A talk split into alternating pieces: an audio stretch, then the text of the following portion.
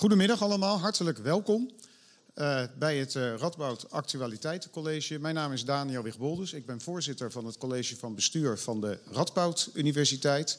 En uh, het is mij een eer om jullie hier samen met onze rector Han van Krieken, die daar zit, hier welkom te heten. Dit is voor ons een experiment.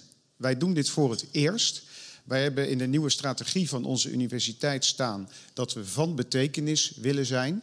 En dat doen we in Nijmegen en Gelderland. Maar wij dachten, waarom doen we dat ook niet in Den Haag? En dan willen we vooral van betekenis zijn op die onderwerpen waar wij denken dat we wat bij te dragen hebben aan actuele maatschappelijke discussies. Wij hebben toen contact opgenomen met Radboud alumni in Den Haag en die zeiden: wij komen niet naar Nijmegen. Jullie zullen dan naar Den Haag moeten komen. Dus vandaar eigenlijk dit pop-up Universiteit Radboud uh, hier nu in, uh, in Den Haag.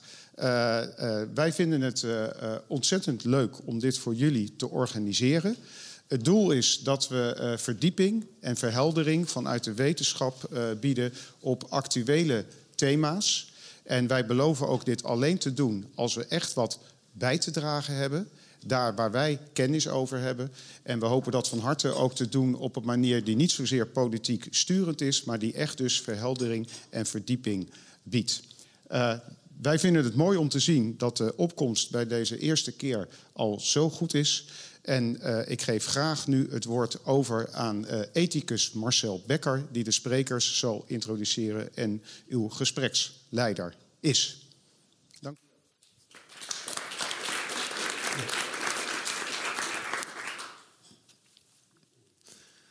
Laten we dan toch beginnen met een citaat van een Radboud-alumnus. Het gaat me niet snel genoeg, zo zei D66-voorman Rob Jetten gisteren. De minister-president en de minister van Landbouw, vandaag op werkbezoek op de Veluwe, kunnen het zich aantrekken. De Radboud-alumnus Jetten appelleert aan een breed gedeelde onrust. Een onderzoek deze week leerde dat na de zorg, het klimaat het thema is dat kiezers het meeste bezighoudt. En als het binnen dat brede thema klimaat één deelthema is dat de gemoederen in beweging brengt, dan is het wel stikstof. Maar ook urgente thema's, juist urgente thema's vragen om verdiepende bespreking. Die krijgt u van twee Radboud hoogleraren. Zij zijn beide een tiental minuten aan het woord, waarna een gesprekje met mij. Dan hebben we nog een half uur de tijd voor gedachtenwisseling met u. En voor die gedachtenwisseling geldt dat die niet wordt opgenomen, terwijl de presentaties wel worden opgenomen. Dus voelt u vooral, zich vooral vrij zich in de discussie te mengen. Daarna is er een borrel in de goede Nijmeegse traditie. De eerste spreker is professor Hans de Kroon. Hans de Kroon is hoogleraar plantenecologie. Hij werd beroemd, wereldberoemd, door onderzoek naar de insectenstand, maar hij heeft naar vele ecologische processen onderzoek gedaan. Het woord is aan professor De Kroon. Dank u wel.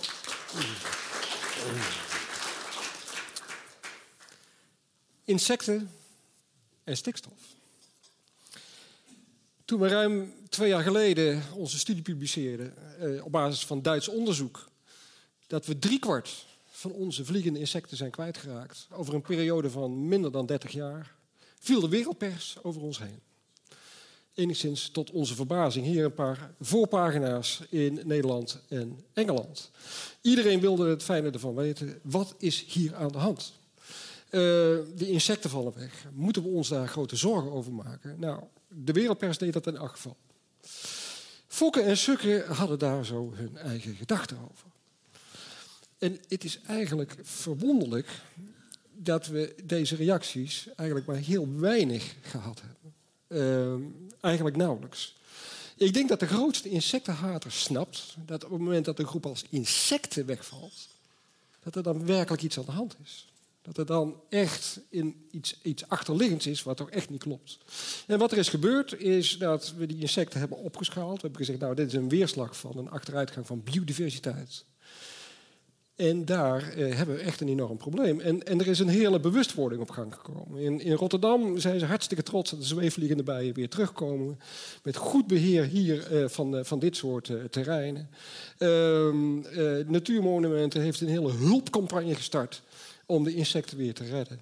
En zelfs onze grote krokodillenvanger uit Leiden, Freek Vonk, gaat nu insecten verzamelen.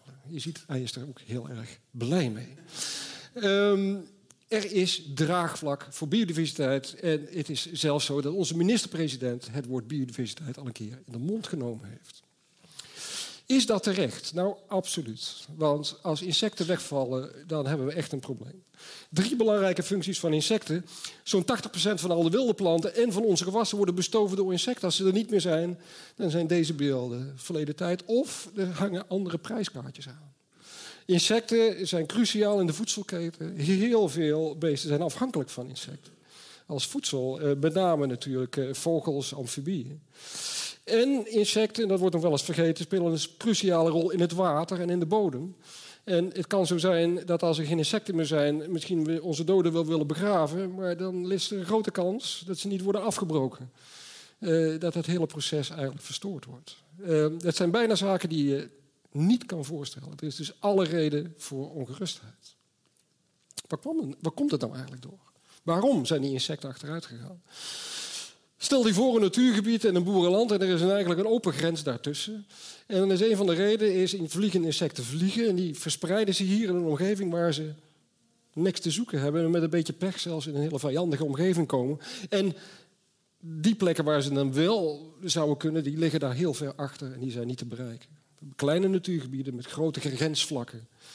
En we hebben grote versnippering. Eigenlijk een proces wat we al lang kennen. Maar het werkt ook omgekeerd. We weten inmiddels maar al te goed dat stikstof en pesticiden zich verspreiden in die natuurgebieden. Stikstof hoef ik u niks over te zeggen. Uh, maar dan praat ik nog niet eens over uh, dat ik zeg, de grote verzuring en de sterke verruiging die optreedt. Zelfs subtiele effecten kunnen bij insecten helemaal verkeerd werken. We weten ook inmiddels dat lage concentraties pesticiden niet meteen dodelijk toch die insectenpopulaties kunnen verstoren in die natuurgebieden. Wat we ons niet gerealiseerd hebben, al deze factoren zijn al min of meer bekend, wat we ons niet gerealiseerd hebben, is dat ze zo'n groot effect kunnen hebben. Dat was nieuw. Nou, wat doen we daar dan aan? We waren toch goed bezig met de natuur. Hier een stukje Gelderland, onze provincie, eh, Doetinchem, Zutphen, Winterswijk, de mooie Achterhoek. Plannen van de provincie om daar de groene dooradering weer terug uh, uh, te brengen, vooral langs de beken. hartstikke mooi, er zijn kern natuurgebieden, allemaal onderdeel van de omgevingsvisie. we moedigen het heel erg aan, maar wat we nu weten, wat nu naar voren is gekomen, dat als we alleen ons richten op die natuurgebieden, dat dat niet voldoende is. De gebieden in Duitsland waar de insectenstudie was gedaan, waren veelal heel goed beheerd. En toch ging het fout. We moeten ook iets in die witte gebieden doen. Nou, wat zou we dan kunnen doen? Mijn achtertuin, de Ooipolder, hier hebben we Nijmegen, hier ligt onze universiteit, hier net onder. Wat is daar gedaan? En een uniek project is over de laatste 15 jaar de groenblauwe dooradering, zoals we dat noemen in die witte gebieden teruggebracht. In dat boerenland. Je ziet hier de groene strepen uh, waar dat is gebeurd. En dat leidt tot een landschap wat er heel anders uitziet. Een landschap met hagen, met bloemrijke stroken, met vennetjes ertussen. Uh, waartussen het overigens uitstekend boeren is, maar waarvan we weten inmiddels dat die natuur weer opveert. Op het moment dat je iets aan het landschap gaat doen, op het moment dat je uh, die hele omgeving weer opnieuw creëert, dan kun je die natuur weer terugkrijgen. En wat de landbouw zelf betreft, natuurlijk moeten daar ook dingen gebeuren, maar dat eh, is inmiddels ook beleid van LNV. LNV wil de kringlooplandbouw terugkrijgen. De kringlooplandbouw moet terugkomen. Uh, in deze uh, zeer lovenswaardige notitie van onze minister van Landbouw. Ehm, wat we ons soms niet realiseren is dat dat soort initiatieven natuurlijk al lang bestaan. Uh, een mooi voorbeeld vind ik de vruchtbare kringloop Achterhoek, waar ze al in 2013 zijn begonnen. met uh, reguliere boeren, met het terugbrengen van die kringloop, het herstel van de bodemkwaliteit. En het gevolg daarvan is, is dat je weer koolstofopslag in de bodem krijgt. Dat je minder aanvoer van um, krachtvoer en dergelijke en kunstmest nodig hebt. En ehm, je herstelt die kringloop dus weer enigszins. En wat ik mooi vind, en dat vergeten we nog wel eens vandaag de dag, kijk eens naar die gezichten. Kijk eens naar die gezichten. Deze boeren kunnen weer boeren. Hun expertise zetten we in om een nieuwe landbouw te creëren. Deze boeren hebben passie voor wat ze doen en ze leveren echt iets op. Dus niet sectoraal, maar die dingen samen. Die dingen samen, die gaan het verschil maken. En uh, uh, mijn laatste voorbeeld, dan kom je op iets zoals dit uit. groene cirkels, het Groene Hart hier vlak buiten Den Haag en Leiden. rond de Heineken Bierbrouwerij in Zoeterwoude is een systeem gecreëerd van kringlopen en duurzaamheid in de loop van de jaren. Daar hebben we ook de boeren zitten die mest produceren, mineralen produceren, wat in kringloop teruggaat naar uh, het landbouwproductie uh, aan deze kant. de waterschappen zijn erbij betrokken, de industrie is erbij betrokken en de energie is erbij betrokken. En dit kan dus wel. Dit kan dus wel. Waar mensen de visie hebben, waar lokaal ehm, de energie ontstaat, zie je dat je zo'n duurzame gebiedsontwikkeling krijgt. Nou, dat, die combinatie bij elkaar, dat is wat we bij ons in Nijmegen het healthy landscape noemen. Healthy landscape in al zijn facetten. Healthy landscape, healthy voor de natuur. Healthy voor boeren die daar hun, hun, hun werk kunnen doen. Gezond voor de mens. Dit soort landschappen hebben grote voordelen voor de menselijke gezondheid. hebben die ook. Dus wat betekent dit? Hoe kom je daar? Nou, niet door een sectorale, maar door een integrale aanpak. Niet door alleen maar te focussen op stikstof of alleen maar te focussen op de natuur, maar dat gezamenlijk. Kan het? Draagvlak genoeg. Draagvlak bij boeren, draagvlak bij burgers. We willen dit allemaal. Conform uitgezet beleid. Uh, eh, LNV wil die kringloop uh, landbouw. En gratis bijeffect. Minder stikstofuitstoot kunnen ons wel gaan focussen op allerlei maatregelen om die stikstof terug te brengen. Op het moment dat je dit creëert, krijg je dat er gratis bij. Een gezond landschap. En het grote probleem waar we nu voor staan, wordt tegelijkertijd mee opgelost. De vraag die ik met u zou willen bespreken, de vraag die ik graag in de groep zou willen gooien is, waarom gebeurt dit nog niet overal? Dat is wat mij vanuit mijn perspectief bezighoudt. Dank u wel.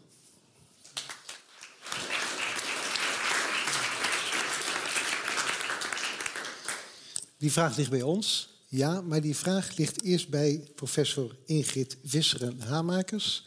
Zij is hoogleraar Environmental Governance and Politics. Dus een leerstoel die beleid betreft. Dus die precies de vraag kan oppakken die net is neergelegd. Uw website vertaalt die Engelse titel als de maatschappelijke sturing van milieuproblemen. Maar ik zou toch zeggen ook de sturing van de oplossing van milieuproblemen. Het woord is aan Ingrid Wisseren.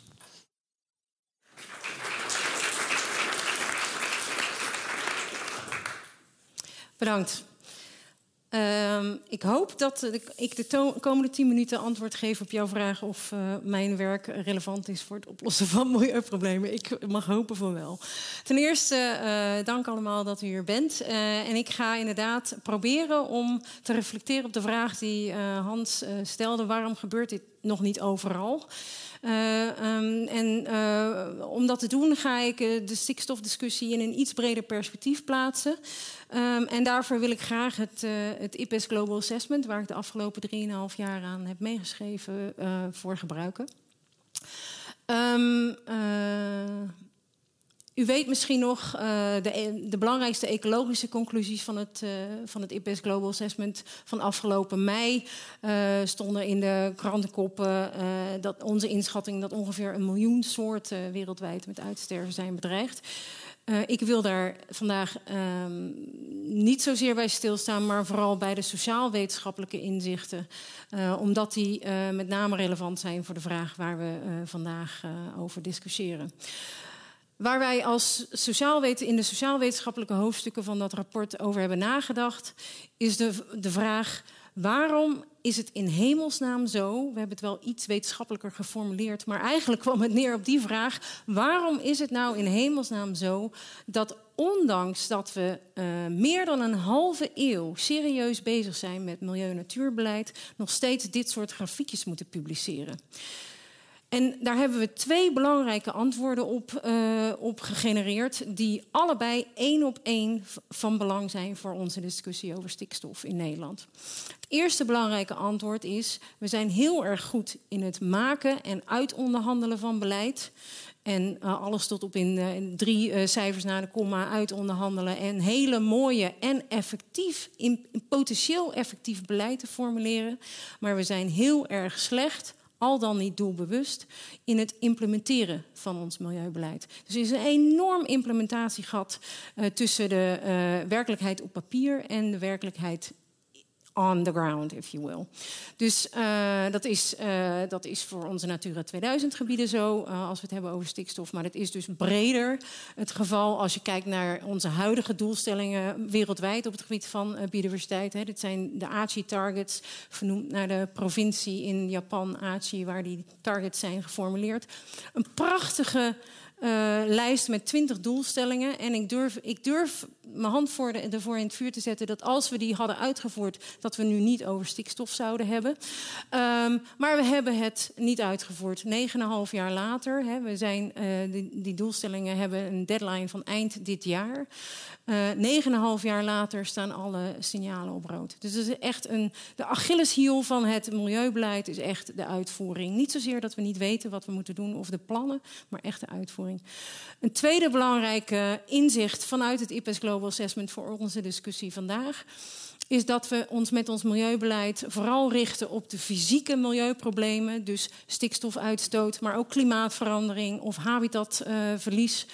Um, dus echt de fysieke problemen. En we vergeten of we zijn niet in staat om die onderliggende maatschappelijke oorzaken aan te pakken. Dus hè, hier zitten we in de direct drivers, om even een lesje IPES Global Assessment te geven. En uh, hier zijn de indirect drivers, dus die onderliggende maatschappelijke oorzaken voor niet alleen onze stikstofproblematiek, maar eigenlijk voor alle milieu- en natuurproblemen waar we mee bezig zijn. En daar daar ten grondslag uh, onder liggen de, de waarden die ten grondslag liggen aan de keuzes die we maken in onze samenleving. En dus ook de keuzes die we maken in, in termen van wat voor beleid uh, we maken. En voorbeelden van die indirect drivers zijn dus echt onze economische, sociale en technologische structuren in de samenleving, uh, waar, waar we onze samenleving mee vormgeven. Dus echt de hart, het hart en de, en de vezels van onze samenleving zijn die indirect drivers. Voorbeelden voor stikstof zijn, zijn het Europees landbouwbeleid, um, landbouwsubsidies, um, uh, maar ook uh, machtsverhoudingen in productieketens. Uh, het feit dat wij niet alle milieu-impacts in onze prijzen verdisconteren. Um, maar ook de onderliggende waardes uh, in onze landbouw, uh, keuzes die we maken ten aanzien van landbouw. Bijvoorbeeld uh, het idee dat we zo trots zijn op onze geschiedenis als Nederland, als, als handelsland. En dat we dus die exportlandbouw ook echt een belangrijk, belangrijk vinden met elkaar. Dus die onderliggende oorzaken veroorzaken dus eigenlijk de fysieke milieuproblemen. Maar ons milieubeleid is eigenlijk altijd op die fysieke dingen gericht. En we zijn uh, dus te weinig gericht op die onderliggende maatschappelijke oorzaken. En als je daar, als je daar niet, geen beleid op maakt, dan ben je dus altijd aan het dweilen met kraan open. En je ziet dat uh, met het stikstofdebat, maar je ziet het met, eigenlijk met alle milieuproblemen. Dus als je niet wil hobbelen van, uh, van klimaatcrisis naar stikstofcrisis en uh, wie weet wat de volgende crisis is, dan zal je dus echt je pijlen moeten richten uh, op die onderliggende oorzaken, waarmee je dus echt Uh, in plaats van een reactief, uh, reactieve reactie op, op al die rechtszaken die over je heen komen, omdat je die, omdat je die afspraken dus wel hebt gemaakt in internationaal gebied. Dus je hebt die visie, je hebt die afspraken, die milieuafspraken internationaal wel gemaakt, maar je voert ze niet uit. Waardoor dus mensen vanuit de samenleving je er via rechtszaken aan herinneren dat je die afspraken dus wel had gemaakt. Dus de manier om uit de visieuze cirkel te komen is inderdaad uh, je uh, structureel te richten op die onderliggende maatschappelijke oorzaken. En het interessante is, is dat die uh, onderliggende oorzaken, die indirect drivers, eigenlijk het op hoofdlijnen hetzelfde zijn voor alle milieuproblemen. Dus um, daarom maak ik me ook enigszins zorgen over de manier waarop wij onze transities vormgeven in Nederland. We doen het heel sectoraal. We hebben een energietransitie, een landbouwtransitie en een mobiliteitstransitie. Terwijl je als je dat zo sectoraal uh, vormgeeft, met alle respect voor, uh, voor, uh, voor de ambitie van die, van die transities, heb je dus niet automatisch die, die generieke indirect drivers of die onderliggende factoren in het vizier, waardoor je misschien uh, niet uh, de volledige transformatie naar een duurzame samenleving kan uh, bewerkstelligen. Ik denk dat het een belangrijke les is, ook vanuit het IPES-rapport, niet alleen voor het stikstofdebat, maar eigenlijk voor alle transities waar we mee bezig zijn de belangrijkste sociaal-wetenschappelijke les uit het IPES-rapport, dus ook voor onze discussie vandaag, is dat we echt door aan die indirect drivers te werken, echt die transformatie, ik gebruik expres het woord transitie niet, die transformatie van een niet duurzame samenleving naar een duurzame samenleving uh, kunnen vormgeven, precies om die door die uh, onderliggende oorzaken uh, aan te pakken. En wij noemen dat transformative change. je kan het in Nederlands vertalen naar structurele verandering of inderdaad het nadenken over die uh, onderliggende oorzaken. Hoe doe je dat? Uh, een aantal lessen uit het, uh, uit het IPES-rapport. Ik ga niet dit hele figuurtje doorakkeren, maar misschien de belangrijkste lessen. Um, um, Hans zei het net ook al, het moet integraal. Dus wij noemen dat integrative governance. Dus uh, we moeten over de sectoren heen denken, maar ook nadenken wat de verschillende uh, beleidsniveaus kunnen bijdragen aan die transformatie. Maar ook nadenken over de relaties tussen verschillende plekken. Wat, heeft, wat voor consequenties heeft ons milieu- en natuurbeleid voor Brazilië of voor China? Brazilië waar we onze soja vandaan halen en, China waar we heel veel vlees naar transporteren. Dus al die transformaties wereldwijd hebben met elkaar te maken. Een ander belangrijk uh, inzicht is dat, uh, en je hoort dat steeds vaker, ook in beleidsdiscussies uh, over die transformaties, over die transities, dat, dat de transformatie inclusief moet zijn. Dus we moeten vooral boeren helpen. Als boeren willen bijdragen aan die verduurzaming, moeten we ze helpen en ondersteuning om die transformatie te maken. Um, en, en dat doen we niet alleen door ze direct te helpen, maar juist ook om die uh, om die uh, indirect drivers waar ze tegenaan lopen in dat verduurzamingsproces. Dus die machtsverhoudingen uh, in die productieketens. Of het feit dat ze niet voor alle producten of diensten betaald krijgen. Dat we die indirect drivers wegnemen, zodat ze veel makkelijker kunnen bijdragen aan dat verduurzamingsproces. En misschien een, ik kreeg een hint dat ik moest afronden, dus misschien nog de belangrijkste boodschap voor beleidsmakers, zijn tenslotte in Den Haag. Um, uh, en dat is uh, dat we vooral moeten nadenken in termen van smart policy mixes. U hoort dat uh, milieu- en maatschappijwetenschappers um, hippe Engelse termen heel leuk vinden.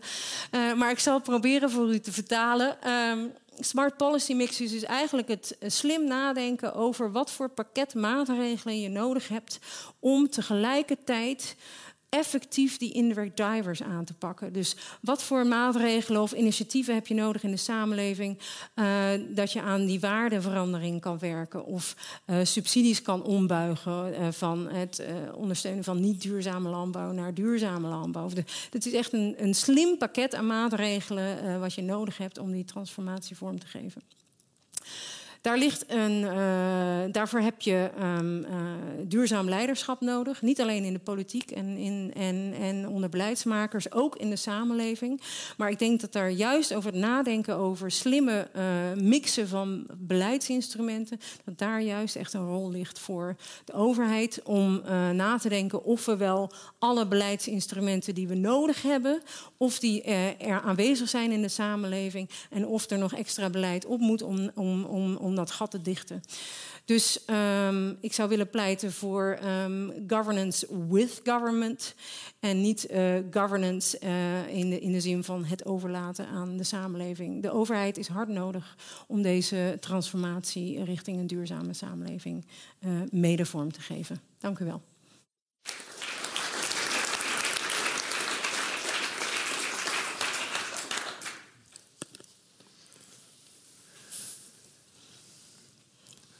Dank u, uh, u beiden voor uh, korte maar krachtige verhalen. Het college duurt twee keer drie kwartier, maar deze verhalen waren aanmerkelijk uh, korter. mag ik met u beginnen, professor De Kroon? u over, sprak over een integrale aanpak, niet sectoraal. waar zit nou volgens u de voornaamste belemmering om ook naar zo'n integrale, niet sectorale aanpak te gaan? Zit dat in gevestigde belangen? Lef bij beleidsmakers? Of hebben we gewoon nog niet de inzichten die u wel hebt? Waar zit de, de belemmering? Ik hoop uh, dat we in de discussie uh, met, uh, met, de zaal uitkomen wat daar de belangrijkste punten zijn. Een aantal punten die je noemt, die zullen vast en zeker een rol spelen. Er zijn gevestigde belangen in een systeem wat, uh, wat, wat nu loopt, wat niet overeen hoeft te komen met het systeem wat uh, eigenlijk uh, deze duurzaamheidsdoelen zou halen. dus ik denk dat dat een belangrijke is. hoe dat precies werkt, weet ik niet, maar dat weet u vast en zeker. Dus dat is interessant zometeen. Um, een ander ding wat ik wel eens denk is, er zijn, laat ik zeggen, onze instrumenten zijn inderdaad niet toegespitst op die nieuwe situatie. Uh, er zijn voorbeelden. Er zijn, uh, um, er zijn, er zijn projecten, ik heb er een paar van, van genoemd, ehm, die ehm, niet doorgezet konden worden. Simpelweg omdat die financiering ophield. Er zijn soms bijzondere situaties gecreëerd. Er is wat financiering. En dan zijn niet, de reguliere instrumenten zijn niet geschikt om dat project door te geven. Omdat er niet in één keer, al is het maar bij wijze van spreken een paar ton, uh, beschikbaar is om, de, om, de, om, dat voor te zetten. Uh, dus ik denk dat daar ook een interessant punt ligt. Ja, ja, want op het niveau van kennis, u, u sprak lovend over hmm. de notitie van de minister van Landbouw. Uh, er is ook al gerefereerd aan de wetgeving, die mm -hmm. eigenlijk ook al heel erg goed in elkaar zit.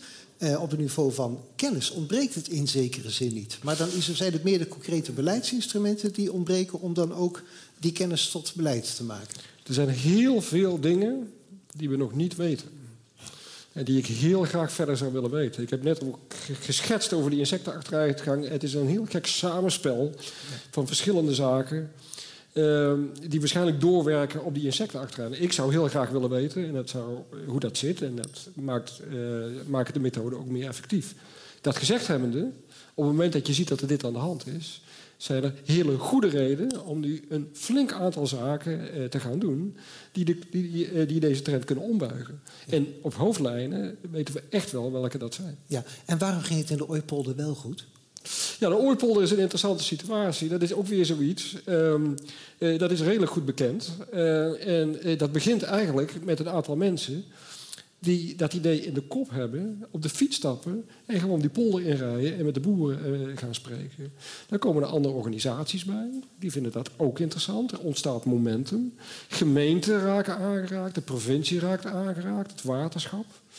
En dan gaat het in één keer verder als er bijvoorbeeld een flinke subsidie wordt binnengehaald eh, door vereende krachten. Ja. En dat wordt omgezet. Het is heel bijzonder wat daar in de Ooipolder gebeurt. Er zijn dus echt bloemrijke stroken en, en slootranden uh, ingericht voor uh, die, die verbindings, als verbindingszones. En er zijn contracten met de, uh, met de boeren gemaakt met een looptijd van 30 jaar. Zo, precies, zo. Als ik dat zeg, krijg ik meestal dat soort reacties. hey, ehm, horen wij de boeren nu niet klagen van ja, wij doen dit, want dit is het beleid en vijf jaar later moet ik weer iets anders. Ja. Nou, hier is echt dat lange termijn beleid uitgezet. Ja. Herkent u dat, dat een overheid met een lange termijn beleid kan inspelen op initiatieven die wel eerst lokaal zijn ontstaan? Ja, je hoort um, uh, vanuit het uh, bedrijfsleven, en niet alleen uh, vanuit de landbouw, maar vanuit het bedrijfsleven algemeen, dat ze, dat ze echt een betrouwbare partner in de overheid zoeken. Hè. Dus die stip op de horizon van, nou, dit is onze lange termijnvisie en we houden die koers vast, zodat bedrijven gewoon op lange termijn die investeringen kunnen maken. Ja. En dat, dat geluid hoor je al decennia letterlijk vanuit het bedrijfsleven, dat ze dat echt zoeken in de overheid. Ja, en vanuit de boeren ook al langere tijd? Ook langere tijd, ja. Ja. ja. ja, ja. Ik snap ook wel dat die boeren uh, uh, niet altijd even blij zijn. Omdat inderdaad die koers uh, constant wisselt. En ook omdat ze in die, in die structuren vastzitten die we samen met ze voor, voor, ze voor ze hebben gecreëerd. Waarin ze een te lage prijs krijgen voor de producten, maar ook de diensten die ze leveren. Dus ik begrijp ook wel dat dat de uh, dat, uh, dat de boeren boos zijn. Uh, ik ken ook heel veel boeren die ook boos zijn op het feit dat het, dat het, niet, snel, dat het niet snel genoeg gaat, die verandering richting duurzaamheid. Dus ik ken de boosheid in twee, in, in twee, op twee manieren. De boeren zijn ook heel boos geworden over de opmerking van de, vanuit D66 dat de veestapel gehalveerd moet worden. Als ik u nou vraag, wat vindt u daarvan? Moeten we inderdaad naar een halvering van de veestapel toe? Of... Ja, ik vind dat een verkeerde vraag. Verkeerde vraag? Ja. Ja, ja. maar. Ja. We moeten juist uh, kijken naar wat de onderliggende oorzaken zijn van de problemen waar we op dit moment uh, uh, onszelf in bevinden. En, en, en, en, het nadenken over de grootte van de veestapel is een van de instrumenten die je zou kunnen toepassen, maar met alleen zo. zo um, nadenken over één instrument is juist waar we vanaf moeten stappen. Ik denk dat we uh, juist die analyse moeten maken van wat zijn nou de structurele problemen in, in onze landschappen en in onze voedselproductie. En uh, hoe kunnen we daar met slimme pakketten aan maatregelen uh, wat aan doen. Ja, maar dat, ik, ik, bij, bij, bij de heer De Kroon had ik het idee dat zijn verhaal dat er ook optimisme in doorklonk. Terwijl bij u wist ik eigenlijk niet zo goed hoe ik me moest voelen. Want aan de ene kant uh, zijn er wel perspectieven, maar u zegt ook, alles hangt met alles samen. Dan heb je zo'n visieuze cirkel naar beneden. En hoe kunnen we nou die visieuze cirkel naar beneden, uh, laten we zeggen, virtuele cirkel naar boven maken? Waar kunnen we instappen op die cirkel? Want we zullen toch ergens moeten instappen. We kunnen niet alles tegelijkertijd doen. Dus als alles met, alles met, alles met samenhangt, dan zullen we toch ergens moeten instappen om die processen weer een duwtje de goede kant op te geven. Ja, we, ja. Moeten, we moeten alles tegelijkertijd doen. En dat ja, maar is dat niet... is toch verschrikkelijk moeilijk. Nee, dat is helemaal niet moeilijk. Dat doen we nu ook. Alleen alles uh, wijst de verkeerde kant op. Dus we, we, doen alles al tegelijkertijd. Alleen we moeten alles tegelijkertijd de andere laat, kant laat met een andere stip op de horizon. Laat ik het dan dus zo daar ben ik het niet mee eens. Is dan de instantie die over alles gaat niet een die beetje de niet. overheid? Die bestaat niet. Dus Nee. de overheid is ook maar één van de partijen. Nou, dat heet Dus- governance. ja, maar governance heet, uh, gaat ook vaak samen met leiderschap. Dus bij governance wordt ook vaak gezegd dat een bepaalde vorm van leiderschap wordt gevraagd. Moet er vanuit de overheid meer leiderschap komen? Um, ook. Ook. Ja, ik denk dat leiderschap uh, heeft verschillende vormen. Uh, Ja. We hebben leiderschap nodig in de Ooipolder. We hebben leiderschap nodig op het provinciaal uh, uh, niveau. We hebben leiderschap nodig in Den Haag. Maar we hebben vooral leiders nodig die samen een soort uh, divisie uh, omarmen van een, duurzaam uh, Nederlandse landbouw. En samen die koers vasthouden. Ik denk ook dat we met het Nederlands polderen een beetje uit de bocht zijn gevlogen. Omdat we het polderen uh, niet meer met hetzelfde doel voor ogen aan het doen zijn. Ik denk dat we, en daar bestaat ook literatuur over, dat het veel zinvoller is om met coalitions of the willing te werken. Dus als je dezelfde waarden, ik ga weer terug naar het IPES-model, maar als je, de, als je een coalitie van de, die, die dezelfde waarden omarmt en diezelfde stip op de horizon uh, voor ogen wil houden, uh, dan kom je samen verder. En dat is leiderschap, om na te denken ook over je participatieve proces. En hoe je dat het beste kan inrichten om inderdaad uh, die stip op de horizon ja. niet alleen maar op te schrijven, maar ook daadwerkelijk te bereiken. Ja, want dat verschil tussen wat proces dat u nou schetst aan de ene kant en polder aan de andere kant, herkent u dat ook? Want je zou juist zeggen, als alles met alles samenhangt, moeten we moeten we iedereen bij elkaar in de tafel brengen. En dan gaan we met elkaar praten. En dat heet polderen, toch? wat Maar- we- maar- Als ik het concreet mag invullen, eh, wat, eh, wat Ingrid zegt. Het gebeurt al. Het gebeurt op heel veel plekken. Die willing is meer dan willing al aan, aan de gang. Ik heb drie voorbeelden genoemd, er zijn er tientallen. Ja. Hier om de hoek tot aan de verste uithoek van Groningen en Limburg. Mensen staan er helemaal klaar voor. Alles met alles samen klinkt zo van, oh, dat kunnen we nooit. Ga kijken in de regio's, ga kijken hier in het, eh, in het eh, Groene Hart. En je ziet dat het gebeurt. De grote vraag waar het om zit is, waarom wordt dit niet gekoppeld aan beleid? En gaan we het ook daadwerkelijk met z'n allen doen? Zullen die Dat is- En je ziet ook, Ja. Dat is de grote vraag. Ja, en je ziet dus ook dat die initiatieven die, eh, die, hè, die gewoon bezig zijn met eh, op een andere manier landbouwbedrijven, dat die dus tegen die structurele eh, barrières Ja, aanlopen. precies. Dus daarom zijn die, de- al die voorbeelden die Hans noemde, die zijn wellicht eh, succesvol op een bepaalde plek. Maar op het moment dat je ze wil mainstreamen of de lessons learned op een andere plek wil eh, toepassen, lopen ze dus vast tegen die, of tegen wetgeving aan, of tegen de, de, de, de machtsverhoudingen in ketens, of eh, al die andere voorbeelden die ik noem van die indirect drivers. Dus als je die, al dat wat borrelt en bruist in Nederland, met al die initiatieven over, eh, om, om op een andere manier met landbouw om te gaan, als je die wil ondersteunen, zal je dus juist moeten kijken waar die initiatieven tegenaan lopen en die barrières eh, wegnemen. Duidelijk. Ik dank u hartelijk voor uw aanwezigheid en de beide sprekers voor hun inbreng. Dank u wel.